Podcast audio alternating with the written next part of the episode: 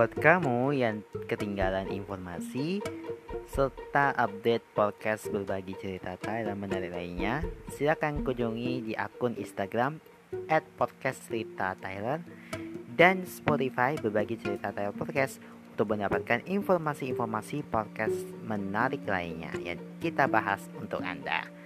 Jangan lupa juga untuk selalu follow akun Instagram at mata underscore underscore dan Twitter at Demata Saputra untuk mendapatkan informasi mengenai program-program unggulan lainnya. Selamat mendengarkan.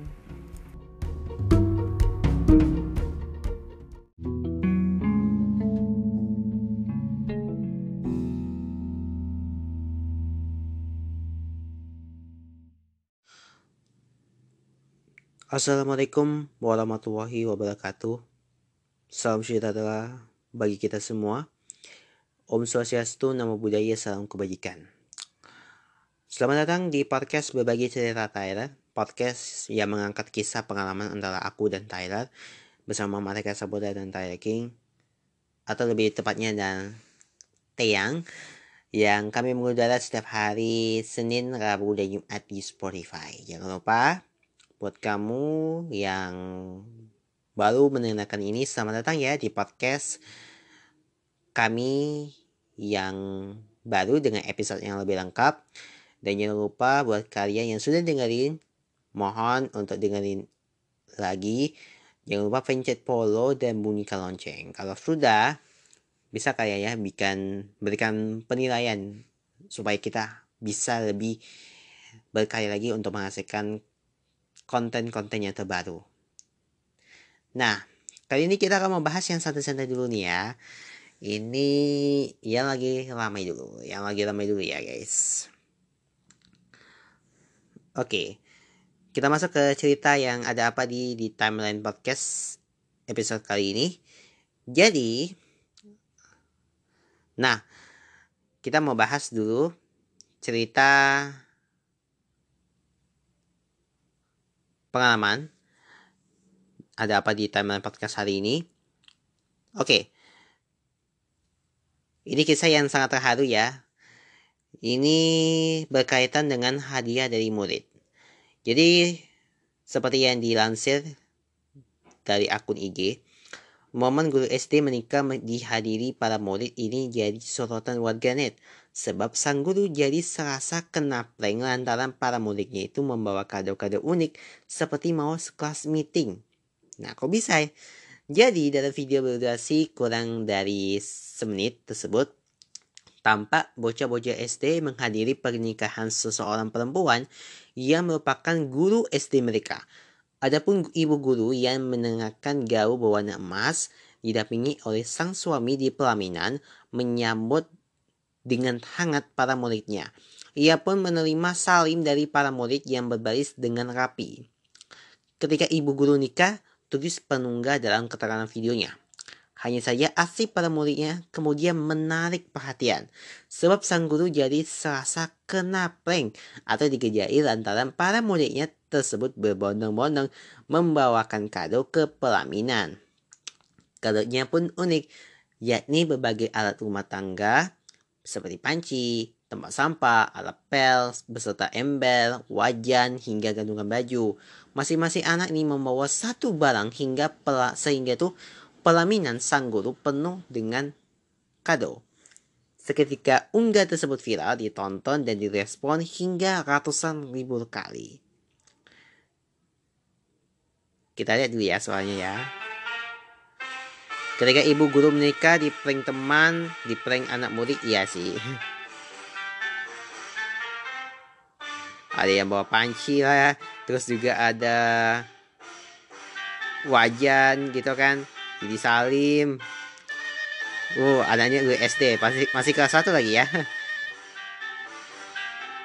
Panci terus juga toples.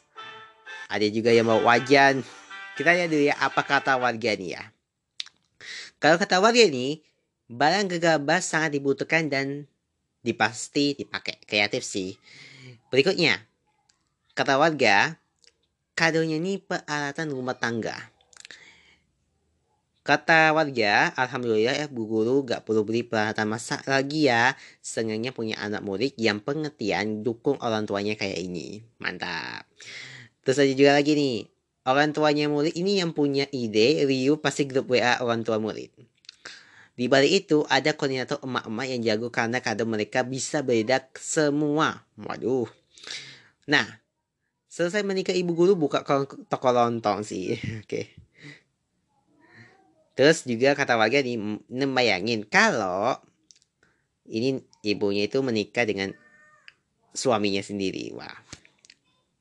Menarik sih memang ya. Kalau bikin gemes, lucu banget yang ada yang bawa apa ya? Bawa piring, apa piring, terus juga ada toples, terus juga wajan, panci, ember, gayung segala macam kan. Pasti kreatif sih emang.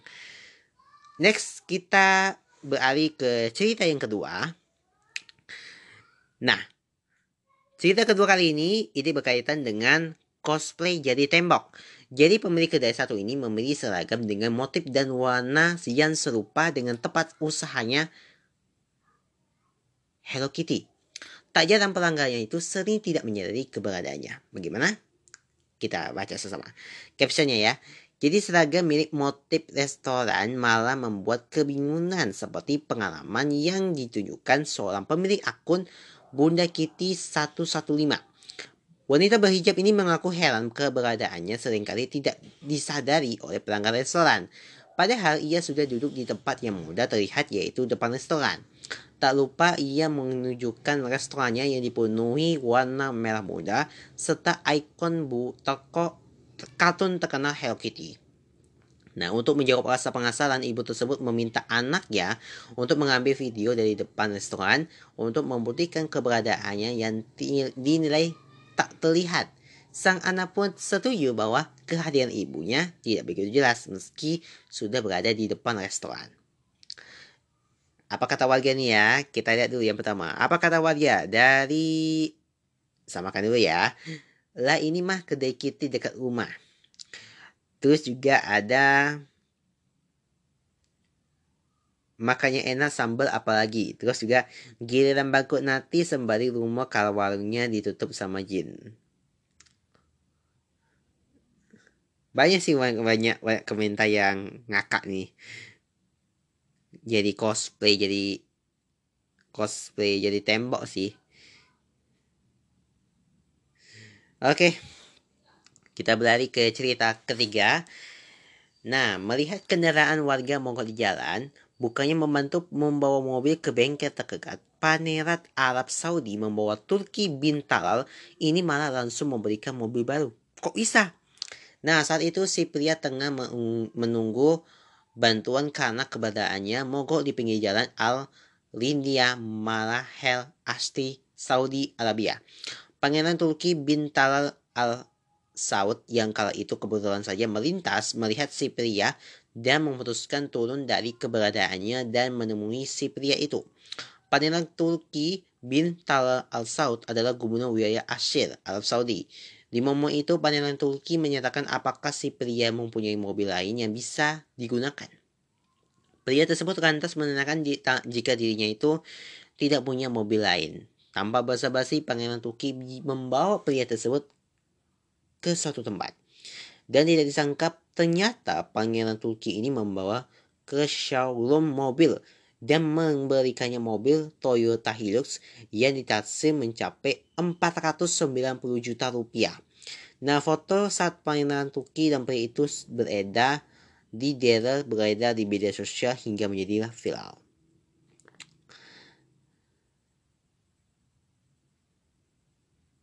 Oke, di cerita yang terakhir nih, saya tidak mampu membeli mobil pandai besi asal India ini membuat mobilnya sendiri dengan model yang sangat kecil, yakni setara 11,3 juta. Mobil model kecil. Inilah beliau yang bernama Data Tia Lotar. Ini seorang pandai besi yang bermukim di Maharashtra,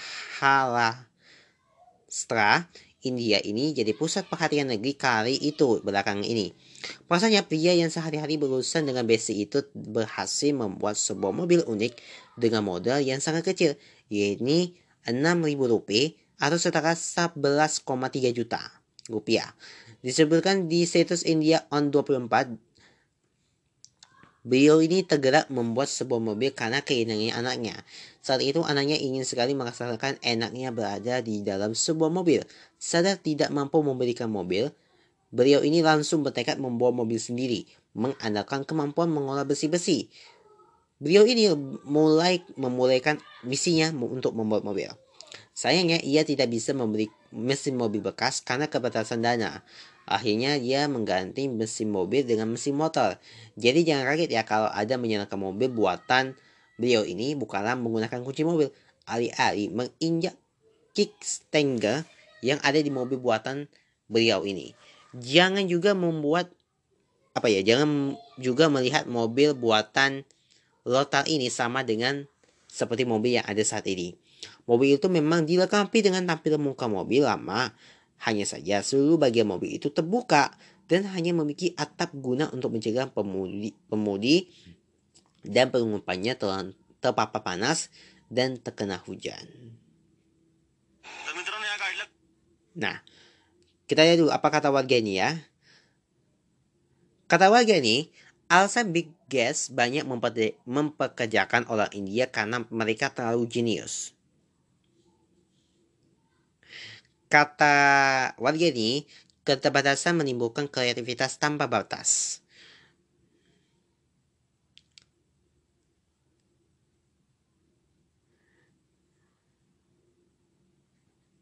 Oke, itu tadi cerita yang yang terangkum dalam ada apa di timeline podcast hari ini. Semoga bisa menjadi manfaat untuk kita. Ya, kemarin uh, kita akan bahas juga untuk kisah horor masuk aja kali ya di masuk aja di segmen cerita horor oke okay. Kisah cerita horor kali ini bahasa dari teman saya cari dulu karena masih banyak data yang akan kami hadirkan dan juga akan kami sampaikan jangan takut ya untuk sendirian dan ajakin dong teman-teman atau sahabat-sahabat yang mau dengarkan ini.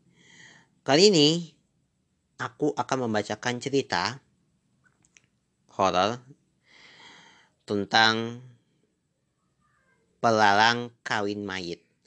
Pelalang ini sangat berbahaya bila mayat itu tidak benar perawan atau pejaka, maka nyawamu menjadi taruhan. Kita langsung mulai ceritanya. Jadi pelalang atau palalang ini adalah semacam ilmu sesat dan jahat untuk menguji jodoh seseorang agar tidak bisa menikah bila tidak disembuhkan. Bagi kami di sini, pelalang bukan lagi hal baru yang mengejutkan karena hampir setiap desa ada saja orang-orang yang terkena pelalang. Nah, ciri-ciri umum terkena pelarang yang bisa dilihat oleh seorang setikat atau bahkan si korban sendiri adalah bila kita menyukai atau mencintai orang lain, orang itu tidak menyukai atau mencintai kita, dan bila ada seseorang yang menyukai atau mencintai kita, tapi kita yang tidak mencin, men, apa, menyukai atau mencintai gitu, dan begitu seterusnya. Langsung kita mulai ceritanya. Jadi akhir tahun 1959 di sebuah desa kecil yang ada di Pulau Kalimantan. Untuk detail tempat dan nama orang akan Om ganti samarannya sesuai keinginan narasum. Saat itu sedang ramai-ramainya para warga mengawah atau semacam masak besar untuk acara. Jadi di sana itu ada seorang gadis yang ikut membantu mengupas pawang. Ia membaru bersama ibu-ibu yang juga sedang meng, me, apa ya meluluti rempah-rempah seperti serai, lengkuas, kunyit, jahe dan lain-lainnya. Nah, seorang pemuda desa yang tengah membantu meruah isi dandanan atau semacam panci besar. Nampaknya sesekali lirik melirik pada gadis manis tersebut hingga akhirnya tatapan mata mereka beradu, membuat si pemuda menjadi begitu salah tingkah. Menjelang maghrib, barulah bumbu-bumbu itu selesai dibuat. maklumlah saat itu orang-orang masih menggunakan cobek batu untuk menghaluskan lempah-lempah. Jadi cobek batu itu adalah kalau kalian punya dapur terus ada cobekan gitu kalau kita mengulek gitu kan ada sambal gitu kan kita diaduk-aduk pakai air gitu segala macam. Itu namanya cobek guys. Tapi justru itulah yang membuat rasa masakan zamanku dulu sangat enak. Ibu-ibu yang pulang dari duku duduk gawi membantu keluarga yang punya acara masing-masing diberikanlah seplastik sayur lemak dan ikan asin goreng mereka pulang dengan sukacita dengan setelah seharian membantu keluarga yang akan mengadakan acara. Mah, mah, kita makan sama-sama ya. Ujar Rami pada ibu yang sedang membuat bakul dari hutan. Kamu makan aja dulu, aku tidak lapar, jawab si ibunya dengan nada yang sedikit ketus. Uh, memang semenjak ayah itu meninggal satu tahun yang lalu, hubungan antara Rami dan sang ibu menjadi renggang. Apalagi kan ketika Rami itu mengolah dijodohkan dengan Burhan, lelaki kaya raya di desa mereka yang mempunyai sawah luas, tanam berhektar-hektar, dan memiliki toko daging di pasar yang sehari-hari bahkan bisa menghabiskan 1 sampai 2 ekor sapi. Pasar itu terletak di cukup jauh dari desa dan Burhan ini adalah orang pertama yang memiliki palu mesin terbesar di desanya untuk mengangkut sapi-sapi itu ke padang rumput yang ada di sebelah desa mereka. Namun, dengan mudahnya Rami itu menolak pinangan laki-laki kaya itu dengan alasan bahwa ia tidak ingin dimadu. Rami masih teringat jelas perkataan ibu sewaktu itu. Lebih baik kau dimadu tapi bergelimang harta dibanding jadi istri satu-satunya tapi miskin melarat tujuh turunan. Kelak kau akan menyesali keputusanmu itu Rami. Ujar ibunya dengan suara yang berdekat menahan amarah yang hampir saja meledak tak terbendung. Beralih pada masa sekarang, Rahmi menghela napas panjang. Ia sudah kaget, tak kaget lagi mendengar jawaban sang ibu. Ya sudah, kalau ibu nanti mama makan ya, ini sayur dan lauknya saya taruh di atas meja. Gadis manis dengan kulit putih kuning dan rambut ikal mayang tersebut berjalan menuju kamarnya yang sudah tak memiliki pintu. Dan hanya dipasang berkas karung sebagai pengganti pintunya yang sudah rusak. Namun isi kamarnya ini nampak bersih dan rapi. Beberapa tapi bermotif-motif bunga-bunga sarung wanita nampak terlihat rapi di dalam lemari yang juga tak lagi berpintu dan di sana juga ada mesin jahit peninggalan ayahnya yang sering ia gunakan untuk menjahit kain menjadikannya sebuah pakaian. Malam itu sunyi, hening. Orang-orang yang biasanya agak terlalu lalang di jalan malam itu tak kelihatan sama sekali. Lami ini melangkah menaiki tangga jamban. Ia rupanya baru aja selesai mandi dan masih mendengarkan tapi sebatas dada. Jadi tapi itu apa ya? Per, apa tuh pe, perlindungan ya, perlindungan gitulah untuk melindungi kita dari apa aurat gitu. Tapi sebatas dada itu. Jadi saat ia berjalan melewati batisan pohon kelapa di Tewan di pinggiran sungai lah misalnya kan terlihat ada seseorang yang berdiri di tengah kegelapan. Rami terpanjat. Hampir saja ia gayung tempat sabun yang ia bawa jatuh. Terandai Rami tak segera menahannya.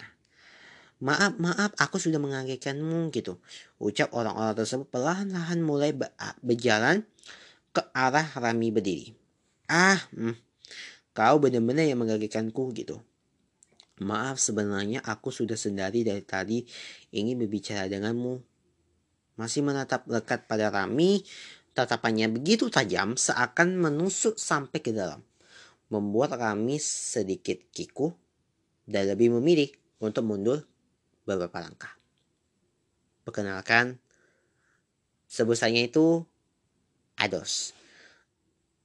Dia ini adalah kemonakannya Pak Zaidi. Jadi Pak Zaidi ini adalah orang yang akan membuat acara itu. Aku dari desa yang lumayan jauh dari sini. Ujar pemuda tersebut Selaya membukukan tubuhnya. Lalu, kau di sini buat apa? Mau mandi? Hmm, tapi bukannya Pak Zaini punya juga punya zaman ya? Begini begini. Sebenarnya aku kemari karena ingin berkenalan denganmu. Hmm, masukku ingin berteman denganmu. Bisa kan? Hmm, masukku boleh nggak ya? Gitu. Ujar pemuda itu yang mengaku bernama Ados itu salah tingkah. Ya, tapi tidak malam-malam seperti ini kan. Apalagi kan sedang kau menunggumu di saat aku baru selesai mandi. Rasanya aneh saja kalau hanya ingin berteman sampai melakukan hal seperti ini. Ujar Rami lalu berjalan pelan meninggalkan Ados. Namun pemuda itu tak pantang menyerah. Ia malah terus mengikuti Rami tanpa pengurangan sepatah kata pun. Kau ini kenapa? Hah? Kau sampai di sini lihat orang loh kalau mengikutimu begini. Aku yang akan aku yang akan kena gibah. Kau paham kata? Gitu. Aku hanya ingin berteman denganmu. Kan tadi aku sudah bilang ya. Apa kau tuli gitu.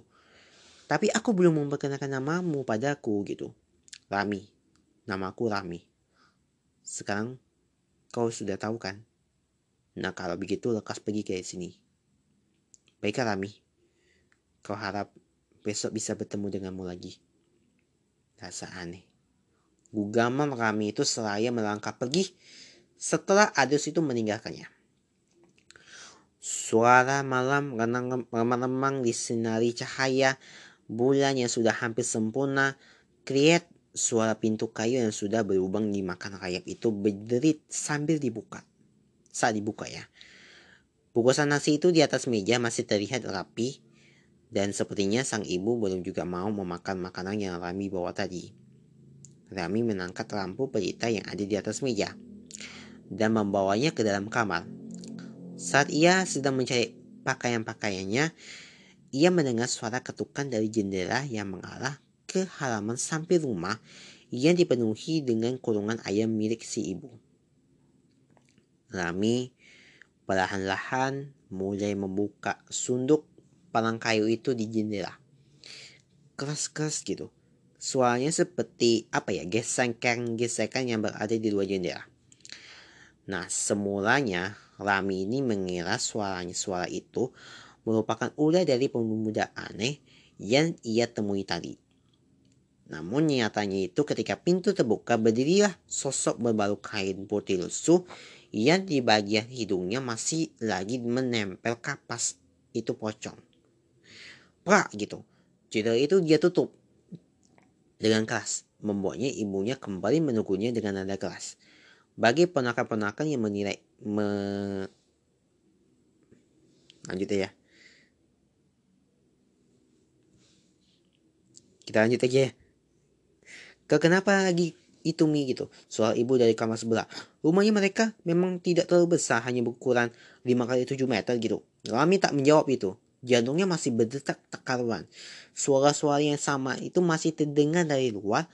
Kali ini diikuti suara seperti robekan kain. Dengan tangan yang gemetaran itu, ia berusaha untuk mengunci jendelanya kembali. Nah, pagi hari lah, Rami sudah berada di rumah Pak Zaini untuk bantu-bantu ibu-ibu itu yang sedang menggoreng bawang tersebut. Nah, rupanya sedang asik-asik gibah gitu. Mereka membicarakan tentang anak si tuan rumah yaitu Pak Zaini itu yang konon katanya diketahui sudah hamil duluan sebelum nikah. Dan saat sedang asik-asiknya gibah, istri Pak Zaini ini muncul dari dalam rumah. Sontaklah ibu-ibu tersebut secara spontan langsung mengalihkan pembicaraan. Itu kambingnya udah apa ya di tak tak atau tek tek gitu potong-potong belum gitu. Ujar ibu itu menunjuk ke arah gadang itu yang digunakan untuk mengaruh daging kambing. Sudah sudah. Jawab yang lainnya juga nampak gugup. Rami, iya bu gitu. Sini ikut saya sebentar. Rami perlahan berdiri. Ia menyapu-nyapu tangan-tangannya pada tapi ia, ia kenakan sebelum menghampiri Bu Inun. Rupanya wanita itu membawa Rami untuk masuk ke dalam rumah yang menemui Ados yang duduk di api oleh orang tuanya. Saat ia disuruh duduk, Rami memang sudah tak enak hati ya. Ada apa bu gitu? Sebentar ya. Ucap ibu Idun ini seraya berjalan ke arah ruangan dapur miliknya. Dan dari sanalah keluarlah ibu Rami dengan wajah cerah tak seperti biasanya. Rami semakin karu, ia seakan-akan sudah tahu nih maksud dan tujuan orang-orang itu. Setelah mengobrol dari ke hulu ke hilir dan lumayan lama, akhirnya ayah dari Ados ini mulai menyatakan maksudnya. Zaman dulu di sini memang kalau sudah suka langsung lama dan menikah. Hanya sedikit saja yang menengal kata pacaran. Saya tidak mau menikah, jawab kami yang membuat ibunya sekitar melotot gitu. Apalagi alasanmu, hah gitu. Adus ini bujang, pejuang kelas, dan yang pasti ia sangat sayang padamu. Bentak ibu tidak dapat menahan amalannya yang meluap-luapkan setelah mendengar jawabannya dari Rami. Tapi saya tidak suka dijodoh-jodohkan. Saya akan menikah dengan hanya dengan orang yang saya sukai gitu. Laki-laki seperti apa lagi yang kau cari, ha? Yang beristri aja yang duda dan sekarang yang bujang mau melamarmu. Kau kasih saja menolak. Apakah kau mencari laki-laki seperti Pujung? Mama tidak akan mengerti. Saya hanya tidak ingin menikah untuk saat ini. Jelas saja aku tidak mengerti. Pemikiranmu itu, sahut ibu geram. Nah, tiba-tiba Lami mulai menahan, merasakan sakit di kepala. Jadi rasa sakit yang sama ketika Duda tempo hari itu melamarnya. Lami mulai memegang kepalanya hingga saat ia akan beranjak tubuhnya itu diambruk di hadapan semua orang berada di rumah tersebut. Ibunya hanya melirik sekilas lalu hendaklah keluar meninggalkan Rami. Wajah Ados sangat terlihat cemas. Ia berusaha menyatakan Rami ujung-ujungnya jari, jari gadis itu juga terasa sangat dingin sekali. Bu, ini Rami benar-benar si pingsan bu gitu. Mendengar perkataan ibu itu, ibunya Rami seketika panik.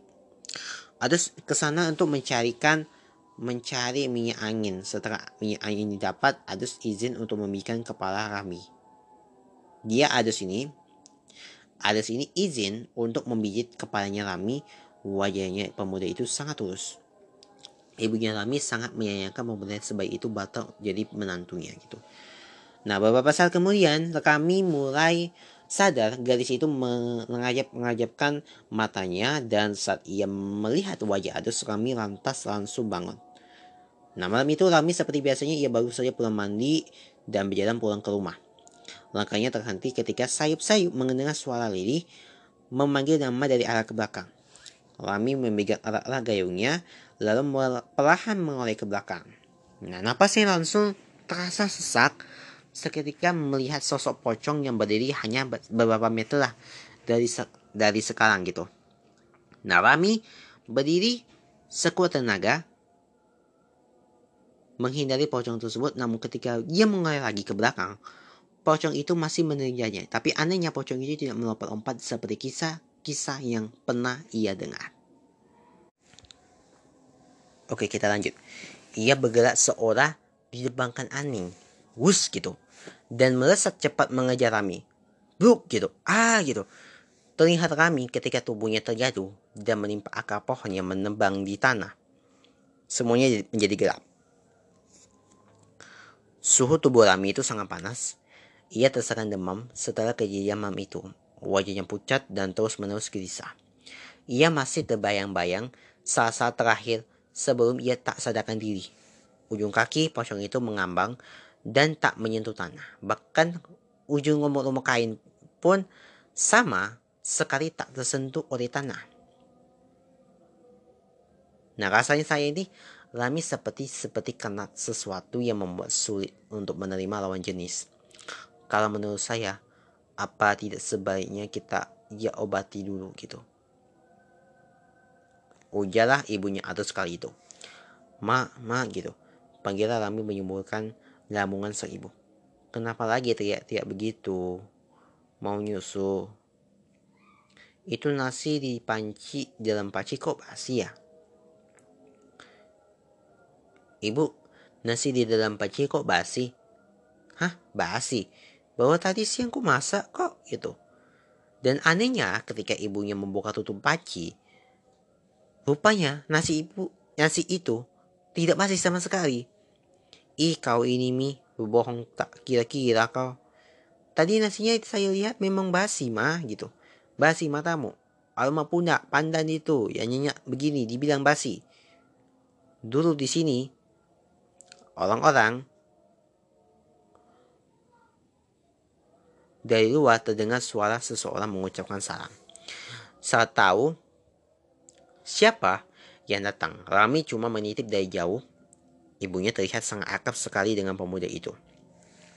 Nah, keesokan harinya, seperti setelah pulang dari mencari sayur dan umur-umuran di pinggiran hutan Rami, bertemu Ados yang sedang memperbaiki pintu rumah mereka. Nah, pemuda itu sekilas melebarkan senyumannya ketika Rami menatapnya. Ngapain sih dah? Batin Rami seakan tak terima pemuda itu terus-terusan mencari perhatian pada ibunya yang tentu nanti akan membuat ia semakin dibenci oleh sang ibu.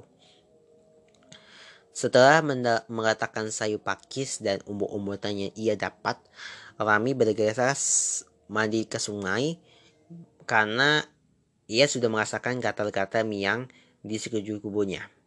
Selesai mandilah dan berpakaian, barulah Rami mulai menyiasati sayur pakis yang juga umurnya. Umur jiwa tersebut terlebih dulu ia kelahi. Direbus dulu untuk menggoreng rasa pahitnya itu sebelum digoreng. Direbus dulu untuk mengurangi rasa pahitnya sebelum digoreng. Sementara untuk bumbunya pakis itu, Rami itu mengharuskan sebelum biji cabai merah, bawang, bawang putih, tak lupa juga ia menggoreng ikan asin hautan dan membuat sambal limau. Aroma masakan Rami membuat Atus meneguk liur. Nah, serta selesai apa ya, serta setelah siap makan, masuk kami, rupa-rupanya ada situ pun juga ia ajak makan oleh sang ibu, membuat kami sedikit kesal.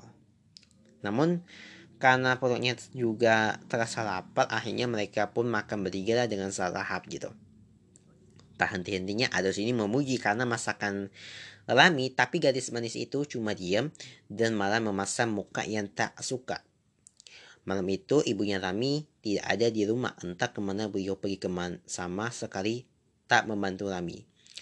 Rintik-rintik hujan di keheningan malam itu membuat Rami gelisah, ia bahkan tak bisa menutup mata meski ruangan kamar itu sudah terpasang empat buah lampu pelita di setiap sudutnya. Mak, kenapa ya? Kenapa belum pulang juga? Gugam gelisah dan hampir menangis. Teriak gitu. Tap-tap gitu. Suara tirit pintu terbuka dan suara langkah kaki terdengar. Bonda mani di luar kamar membuat kami semakin was-was. Apakah mungkin itu ibu? Tapi, tapi kenapa langkahnya seperti itu? Tuk tuk tuk. Suara itu sangat keras dan mengerikan kami mirip seperti ketukan. Namun, dengan perasaan campur aduklah perlahan-lahan Rami memberanikan diri untuk menitip dari jendela lubang, apa ya, celah, celahnya lubang yang berada di samping jendela. Rami melihat sosok putih bajamung itu tengah menghantamkan kepalanya ke jendela kamar Rami. Setelah seketika detak jantung Rami berpacu dengan cepat, ia menutup wajahnya dengan selimut. Rami menangis ketakutan untuk berusaha bersuara saja ia sudah tidak mampu dan saat-saat seperti itu ia hanya bisa mengharap kalau ibunya cepat pulang. Sementara suara di luar jendela dan di depan pintu kamarnya semakin menjadi. Rami, Rami, suara Paro dan Lili memanggil namanya berulang-ulang kali. Rami semakin ketakutan, ia meramas selimutnya dengan sangat kuat, seakan tak ingin kalau selimut itu terlepas dan terbuka dari wajahnya. Prak, buah gitu. Suara mirip pintu yang dibanting dengan sangat keras membuat tubuh Rami itu talambung karena efek kaget. Lalu setelah itu hening. Nah sementara itu di tempat lain, ibunya Rami ini rupanya saat itu sedang berada di sebuah Luma lelaki tua yang telinganya yang cukup panjang, tak seperti telinga pada orang yang pada umumnya ya. Lelaki itu mengisi apa ya, mengisyaratkan pada laki-laki yang lebih muda untuk mendekat lalu kemudian mereka berdua berbicara dalam bahasa daerah yang tak dimengerti oleh ibunya Rami dan orang tua Ados. Anak ibu terkena palalang tapi bukan palalang seperti yang sering kita tahu. Ini lebih berbahaya dan sangat sulit disembuhkan. Ujar lelaki tersebut menerjemahkan bahasa daerah mereka ke bahasa ibunya Rami. Nah, mendengar hal itu, ibunya Rami seketika menutup mulut dengan kedua telapak tangannya. Matanya mulai berkaca-kaca, ibunya Adus setelah menenangkan. Lalu, apa ada cara untuk menghilangkan pelalang itu? Sesaat kemudian laki-laki laki tua itu dan si laki-laki muda mulai berbicara lagi Kali ini mereka berdua seperti yang berdebat, sedang berdebat gitu. Itu bisa-bisa diketahui oleh intonasinya. Dari intonasinya. Maaf sebelumnya, kata ayah saya bisa bisa saja disembuhkan. Tapi resikonya besar dan tingkat kegagalannya itu pun sangat tinggi. Ujar si laki-laki muda. Apa risikonya? Apa dia jawab? Nyawa. Jadi ayah Ados itu menatap kepada istrinya dan ibunya Rami ini secara bergantian. Nyawa siapa gitu? Tanya ibu Rami kemudian. Anak ibu. Karena ingat, ini bukan sembarang pelalang dan sangat sulit untuk disembuhkan. Ucap si lelaki pemuda kembali mengulang kata-katanya. Ya Tuhan, seperti itukah? Gitu. Lalu bagaimana baiknya? Tanya ibu Ades pada ibunya Rami yang nampak masih sama sangat shock. Aku tidak bisa membuat keputusan sekarang. Biarkan aku berpikir dulu, karena ini menyangkut nyawa anakku. Saat di perjalanan panjang, ibunya Rami ini terus memikirkan bagaimana sikapnya itu selama ini pada anak gadis itu. Maafkan mamamu ini Rami. Wanita setengah baya tersebut berjalan dengan tergesa di tengah malam yang sunyi hanya suara jangkrik dan kodok yang masih terdengar saling bersaut-sautan satu sama lainnya ya. Nah, di tengah tanah di sekitar jalan terasa becek karena diguyur hujan dan rintik-rintik air hujan yang tadinya singgah di dedaunan mulai terusir di ke. Nah, sesaat sampai di rumahnya, ibunya Rami ini lantas masuk langsung masuk ke kamar anak gadisnya itu.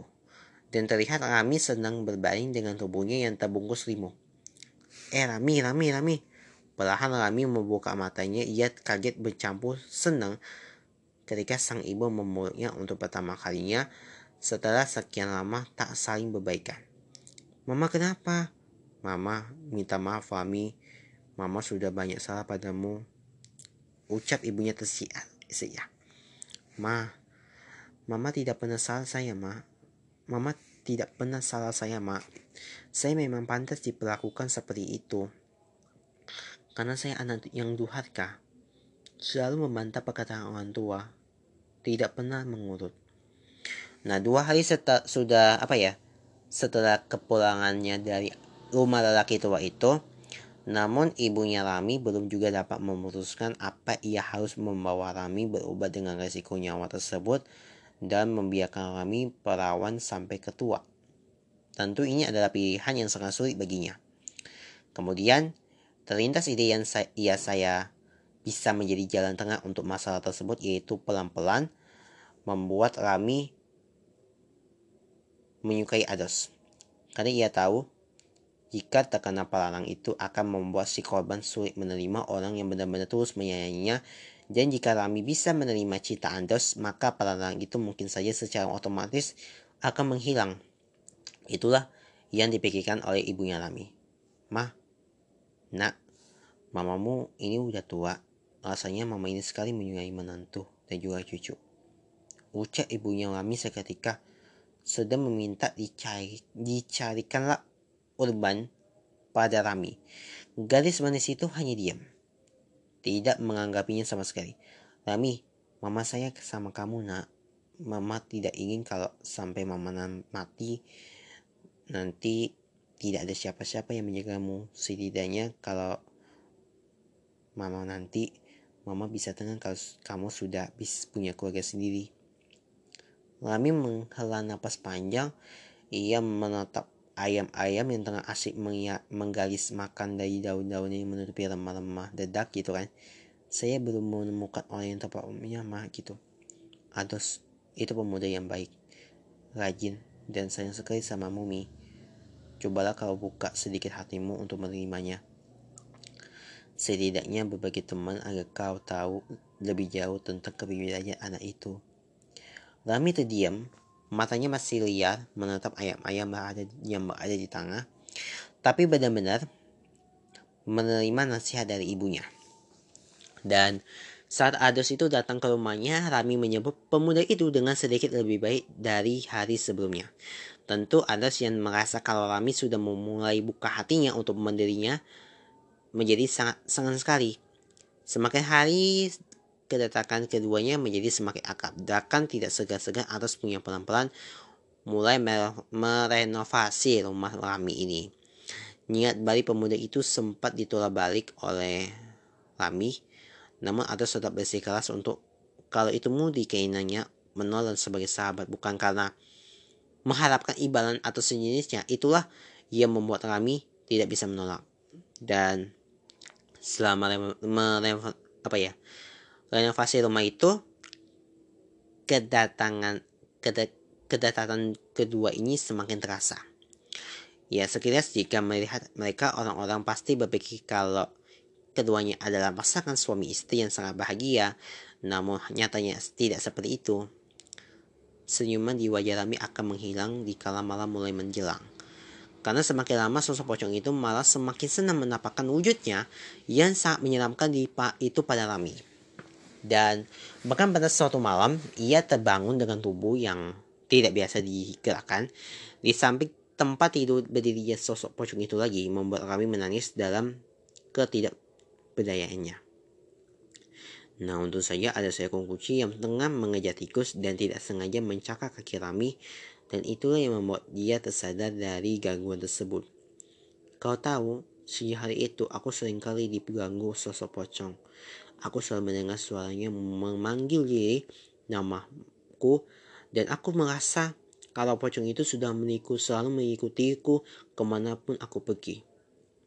Cerita Rami pada Ades yang duduk di atas potongan kayu api yang sudah dijemur. Kau percaya tak? Kalau seseorang yang sangat menginginkannya kita tapi kita menolaknya, ia akan dendam bahkan bisa menyuci jodoh kita. Dan itu disebut pelarang. Maksudmu? Intilah intinya aku rasa ada yang dendam padamu dan mengunci jodohmu agar kau menjadi perawan tua. Apa iya? Tapi aku tidak terlalu yakin dengan hal itu karena aku merasa aku baik-baik saja. Hanya saja aku memang belum lagi menemukan jodoh yang sesuai untukku. Ados menghela napas panjang Tangannya meraih bu ayam yang terbang tertiup angin. Lalu kau merasa pocong itu kenapa bisa sampai mengganggu seperti itu? Rami terdiam. Ia memikirkan sebab pocong itu tersebut mulai mengganggunya. Mungkin karena aku menginjak kuburannya atau bisa juga karena kamu melakukan sesuatu yang buruk tanpa sadar lalu memaci kemarahannya padamu. Ados itu menggelengkan sampai tersenyum. Mereka tidak akan semudah itu mengganggu kita kalau tidak ada apa-apa. Lalu menurutmu kenapa selalu diganggu? Itu Karen. Oh, aduh, belum selesai. Adus menjawab pertanyaan dari Rami. Ia tiba-tiba merasakan sakit yang teramat sangat di bagian dari kepalanya. Hidungnya yang mancung mulai mengeluarkan darah segar, membuat Rami terangsung panik, mulai dan berteriak memanggil ibunya. Mengira Adusnya hanya mengalami mimisan biasa. Tapi ibunya Rami lantas memasukkan daun sirih di daun adus untuk menghentikan darah yang terus mengetes gula. Namun sampai hampir setengah jam darah dihitungnya itu ada situ masih terus menetes sehingga membuat pemuda itu menjadi lemas dan pucat. Beberapa, beberapa orang warga yang lewat dimintai tolong oleh ibunya untuk membantu mengangkat tubuh Adus dan membawanya ke rumah Pak Zaini. Pak Zaini dan Ibu Inu ini kelihatan sangat panik ketika sekali kala itu. Ketika mereka yang mengketa masuk orang berada itu pun langsung membawa Adus pulang ke desanya, ke, ke, ke desanya dengan menaiki perahu motor. Dan Rami pun ikut serta menantakan pemuda tersebut. Sesampai di rumah Ados, orang tuanya langsung membawanya ke rumah si lelaki ketua lelaki ketua bertelinga panjang. Nah di rumah itulah Ados dibalingkan di atas kain hitam dan tubuhnya itu diparahi oleh limau nipis. Bagian hidung yang berdarah dikucup disedot oleh lelaki tua. Nah sesampai sebuah benda keluar dari dalam hidup Ados, benda itu mirip tanah namun nampak hidup dan setelah dibacakan mantra-mantra benda itu seketika berubah menjadi robekan kai kaci. Suaminya marah. Ujarnya si laki-laki muda itu mengejamakan masa laki tua. Su suami, suami apa? Suami siapa gitu? Tanya ibunya terus. Si lelaki memuda kembali berbicara dalam bahasa daerah mereka dengan si lelaki tua yang merupakan ayah tersebut. Suami dengan dari perempuan itu tunjuk si lelaki pemuda itu ke arah Rami yang seketika menjadi perhatian kedua orang tuanya Atos. Lami yang bingung campur kaget setelah mendengar perkataan laki-laki tua itu langsung membantah. Maksudmu suaminya siapa? Jangan sembarangan dulu loh.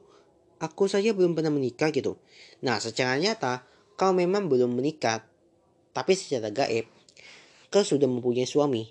Ialah yang selalu mengikutimu kemampuan ke mana pun kau pergi. Apa kau tak menyadarinya? Rami terdiam gitu. Terdiam ia menganjapkan matanya, ia masih belum mengerti perkataan si lelaki tersebut. Singkatnya, kalau karena uh, palalang kawin mayit itu, kau sudah dinikahkan oleh seseorang dengan mayit. Seseorang yang menyimpan dendam padamu dan sejak saat itu disebut pocong. Rami tergedung seakan tak percaya. Tapi bila dia pikir-pikirkan lagi perkataan orang itu, Memang benar adanya selama ini bisa aja yang ingin melamarnya pasti ia akan melihat penampakan pocong yang menyeramkan. Nah percakapan mereka terpotong karena si lelaki tua mulai membacakan sebuah doa dalam bahasa yang tidak mudah dipahami. Tapi alunan doa itu mirip seperti nyanyian. Nah perlahan kami merasakan sebuah tubuh merinding, hawa dingin menyerap tubuhnya seketika si lelaki tua berkali-kali membunyikan gelendang gelandang gemiring di atas tubuh Adus ini yang masih terbaring. Sebuah jeruk nipis segera diputar di atas dahi Ados dan itu dilakukan berkali-kali. Tujuh buah limau nipis itu dibelah oleh si lelaki muda dan anehnya si jeruk nipis ini yang tadinya segar kini sudah menjadi layu dan berbau busuk membuat orang-orang yang berada di sana terparah. Tiba-tiba ada angin yang sangat kencang menghantam pintu dan jendela rumah tersebut, membuat si lelaki si lelaki tua ini nampak geram. Ia berdiri mengambil sebiji telur ayam kampung. Telur itu dia dekatkan pada bibirnya lalu sambil berjalan ke arah pintu yang membacakan sesuatu pada telur tersebut. Dan kemudian melemparkannya ke, halaman rumah. Dua gitu. Telurnya itu meledak seperti petasan. Dan anehnya, anehnya lagi, Angin yang sebelumnya ribut, kini seketika menjadi tengah kembali. Rami pun termelongok setelah melihat fenomena yang tak biasa itu. Ades masih tak sadarkan diri ketika ia dibandingkan dengan air melandaman mayang itu, namun beberapa jam kemudian pemuda itu mulai perlahan sadar. Wajahmu begitu pucat. Untuk kebaikan dia, biarkanlah sampai sembuh nanti di sini. Karena kalau dibawa pulang, Ayah saya takut akan terjadi sesuatu yang lebih lagi daripada ini. Karena suaminya dari perempuan itu sudah tahu kalau istrinya itu sudah mulai timbul rasa terhadap laki-laki ini. Eh, misalkan kau jangan sebut suami atau istri atau istri tahu nggak? Maaf, tapi memang begitu. Aku lalu mau bagaimana lagi? Nah, akan tetapinya ia akhirnya menunduk setelah ditatap tajam oleh si laki ketua itu. Laki-laki tua tersebut mulai berbicaralah dengan nada yang mirip seperti orang yang mengguram gitu. Ayahku mengatakan, kau mau bagaimana sekarang? Apa pelalang itu dibiarkan saja atau dihilangkan? Kalau dihilangkan bisa, bisa, tapi resikonya nyawamu. Kalau ketika gagal, Rami terdiam lagi. Itu pilihan yang terberat baginya. Dan ia bila ia iakan lantas bagaimana jika nantinya gagal, maka seperti itu, itu sama halnya bunuh diri. Tapi kalau ia tak mencoba, berarti ia rela sampai ketua. Ia tidak akan pernah bisa memberikan menantu ataupun cucu pada ibunya. Rami menarik nafas panjang lalu ia menatap ia memutuskan untuk mencoba menghilangkan paralan tersebut. Ketika banyak hal yang menyebabnya awas mencoba itu temannya ibunya ya. Setelah orang tua Adosnya pulang, Rami diajaklah untuk mencari daun sawang di perkebunan oleh si lelaki tua itu. Di sanalah mereka bercerita tentang banyak hal. Kalau misalkan nanti gagal, berarti aku akan mati. Jangan terlalu memikirkan kemungkinan terburuknya. Nah, daun saung itu dibawa pulang lalu diletakkan di bawah-bawah pintu dan jendela. Kain kaci atau kain kafan sudah dipersiapkan terbuka di atas lantai beserta dengan bunga-bunga khas pemakaman. I, itu kain kafan itu apa gitu untukmu? Hah? Berarti aku pasti mati kok? Is, sunyi-sunyi, diam perlahan. Nanti ayahku marah. Kain kafan itu akan digunakan untuk membungkusmu agar kamu bisa bertemu dengan Su. Hmm, masuk pocong itu kan. Ujar si laki-laki muda yang tak diketahui namanya tersebut. Hah? Ih, aku tidak mau kalau Aus bertemu dengan hantu itu lagi. Melihatnya membuatku sakit dan demam. Kau ini, kalau sampai ayahmu mendengar ucapan itu, ah sah-sah aja ya. Dia pasti tidak akan membantumu. Tapi aku tidak mau bertemu sosok itu lagi. Tapi bukannya kita ingin menghilangkan pahlawan itu yang berarti tak pernah lagi membuatku melihat pocong itu. Nah, belum sempat menjelaskan lebih rinci si lelaki muda sudah dipanggil oleh ayahnya. Rupanya ia disuruh memberikan ramuan penambah darah pada Atos. Lami terduduk sejuluku kaki di pelataran rumah yang hanya memiliki satu lembaran semeteran tersebut. Matanya jatuh mengatap ke langit memikirkan apa yang sedang menimpa dirinya. Karena orang begitu tidak padamu rintih batinnya. Oke ini mungkin agak panjang ya ceritanya ya, tapi akan aku skip dulu. Nanti kita akan cari di episode si semen berikutnya ya. Jadi tetap bersama kami. Oke?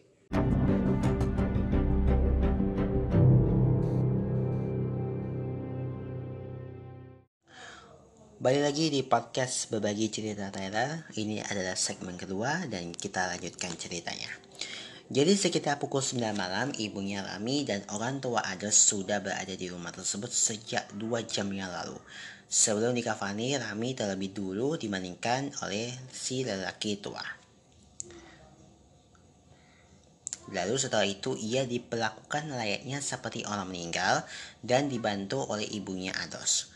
Rami di kemudian dipakaikan kain kafan sebut rasanya begitu sangat ditekan bagi Rami Kemudian setelah itu tubuhnya dioleskan dengan minyak wangi yang berbau sangat aneh gitu kan perlahan-lahan Rami mulai merasakan sesuatu yang aneh pada tubuhnya.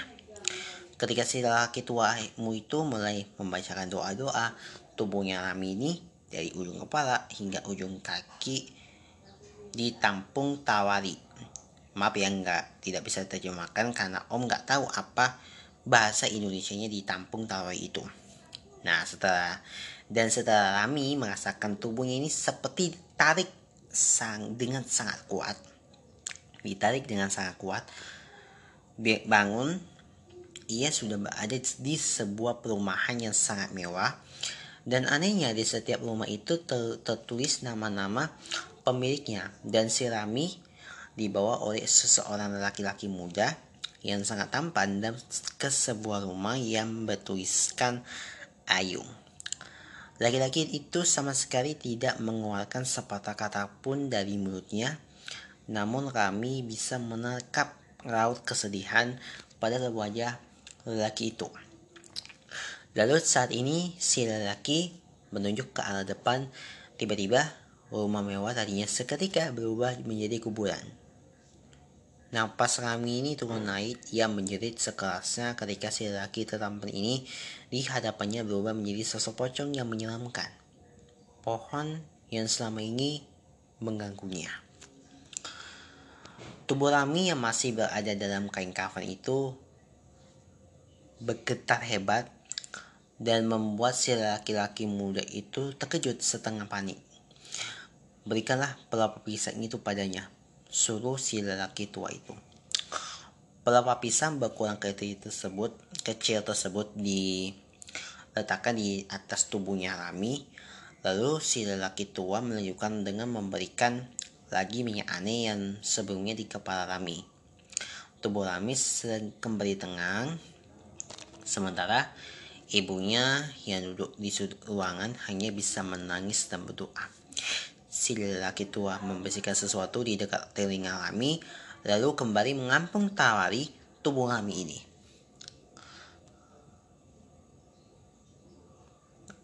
Oke, sebentar dulu ya. Agak panjang ceritanya. Bentar dulu lagi hilang nih.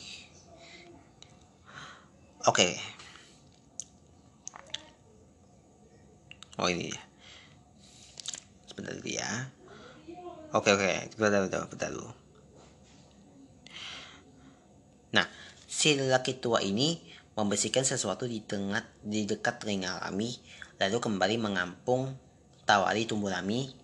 Cukup lama setelah itu Rami tidak tak lama kunjung siluman meski sudah beberapa kali dipanggil namanya suaranya menenggal angin kencang yang menghantam atap rumah tersebut menimbulkan suara yang sangat gaduh angin berpaling yang digunakan untuk membakar garau tiba-tiba mati begitu saja. Saat pintu rumah terbuka dengan sangat keras terlihat sosok pocong tengah melayang di depan pintu. Membuat si lelaki muda itu menunjuk, menunduk, menundukkan kepalanya. Sebuah pelapa pisang diambil oleh si lelaki tua. Dan beberapa kali dipukul, dipukulkan ke lantai sampai hancur dan anehnya pocong itu akhirnya menghilang. Uhuk gitu. Rami batuk setelah diberikanlah air dari dalam kupak waluk itu tempat minum yang terbuat dari labu yang dikeringkan sesudah isi buahnya ini dikeluarkan gitu. Nah, si lelaki muda bergegas membuka ikatan kain kafan tersebut. Remy terlihat lemas dan shock berat. Ia gemetaran terkatutan. Siapa namanya? Ujar si lelaki muda itu bertanya pada Rami. Nama siapa? Ujar Rami berbalik bertanya.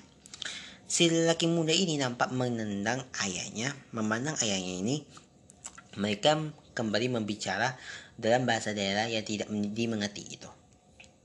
Setelah keberadaan Rami sudah mulai tenang, barulah dia kembali menanyakan tentang nama si pocong yang merupakan suami gaib dari suaminya. Ayung, aku melihat nama itu di rumahnya.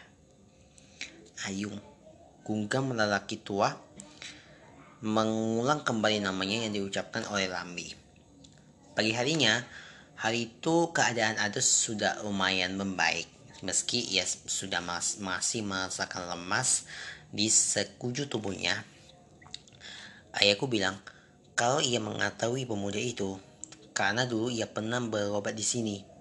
Tapi bukannya ini sudah berakhir. Aku sudah terbebas dari paralang itu kan. Si lelaki muda itu menggelengkan pelan.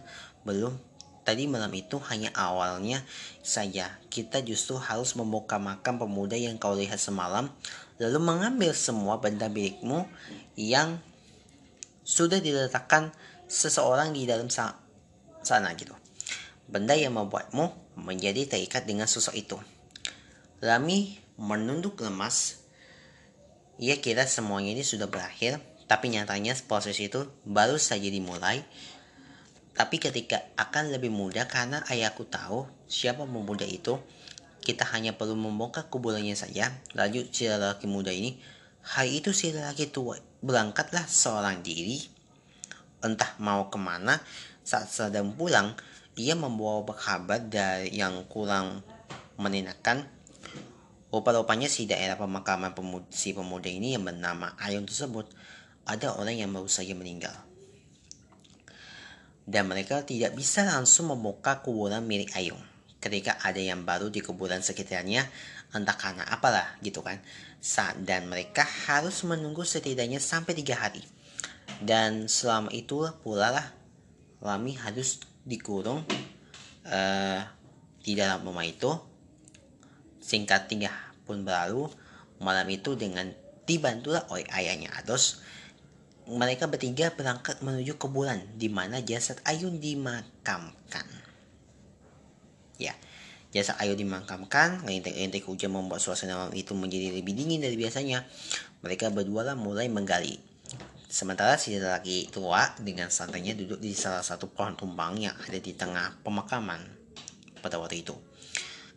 Ketika pantinya sudah terasa, mereka berdua lantas menggali sisi lelaki tua dan ketika dibuka, nampak posisi tulang beruang Ayu sudah berpindah dan di sampingnya ada sebuah butaran pocong kecil yang ketika dibuka berisi celana dalam, rambut, dan juga gambar yang merupakan piring rahmi ini.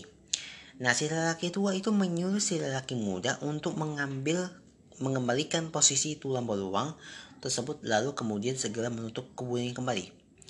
Setelah mereka selesai dengan tugasnya, si lelaki tua lantas membakar semua barang-barang tersebut dan kemudian menyiramkan air di atas pusarannya makam Ayung ini. Nah, air api ini sang yang membakar benda-benda itu menjadi sangat besar padahal saat itu sedang gerimis hujan.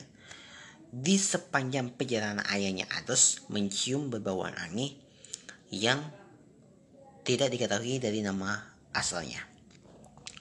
Saat akan mengengkurnya, si lelaki memuda menggelengkan, mengisyaratkan untuk tetap diam dan tidak menegur apa pun. Setelah di rumah, si lelaki tua itu langsung menyuruh Rami untuk menggantikan pakaiannya dengan kain hitam yang sudah direndam dalam di dalam air junung ipis ini.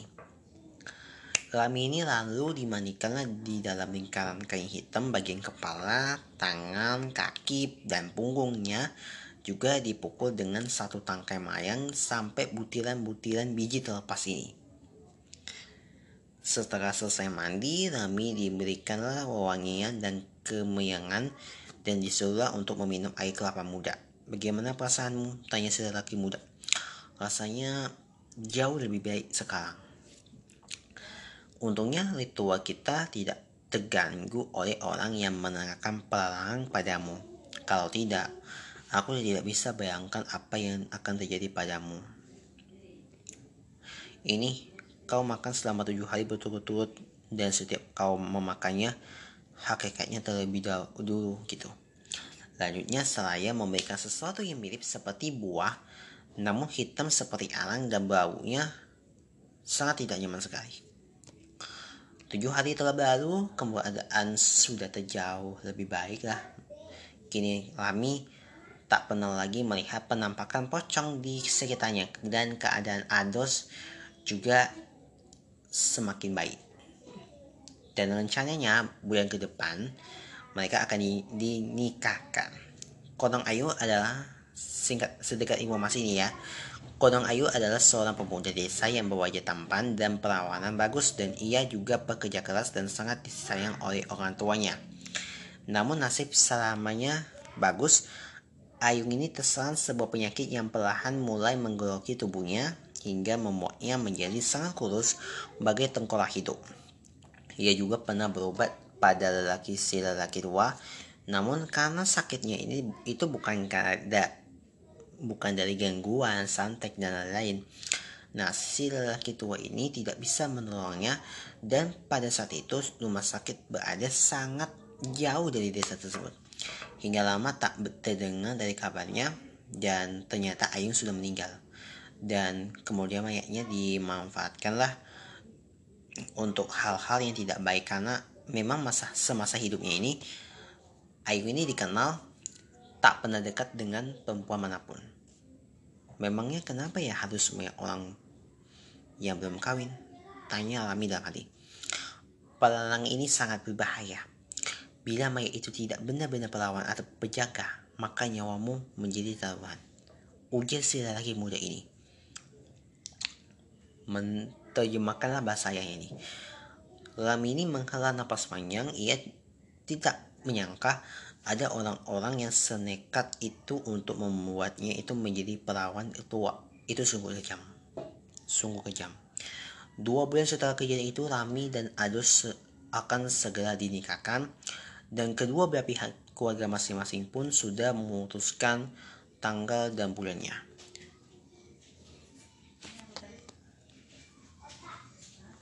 Oke, kita lanjut.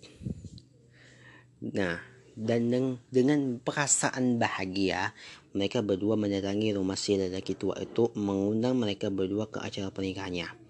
Namun saat itu tak disangka rupanya telah terjadi. Nah, si lelaki tua itu meninggal sebulan setelah mengobati Rami. Menurut petuturan si lelaki muda ini, itu karena ia diserang secara gaib oleh dukun yang melakukan ritual pelarang kawin mayit tersebut. Dan karena kurangnya kehati-hatian atau mungkin karena sudah ajalnya, beliau meninggal dengan keadaan yang cukup tragis. Di sini tidak diceritakan bagaimana keadaan si lelaki itu sangat meninggal. Oke, itu tadi. Terima kasih ya untuk sudah mendengarkan cerita ini dari teman kami. Semoga bisa apa ya namanya ya Oke, sekian dulu episode kita kali ini dan sampai jumpa lagi di episode berikutnya.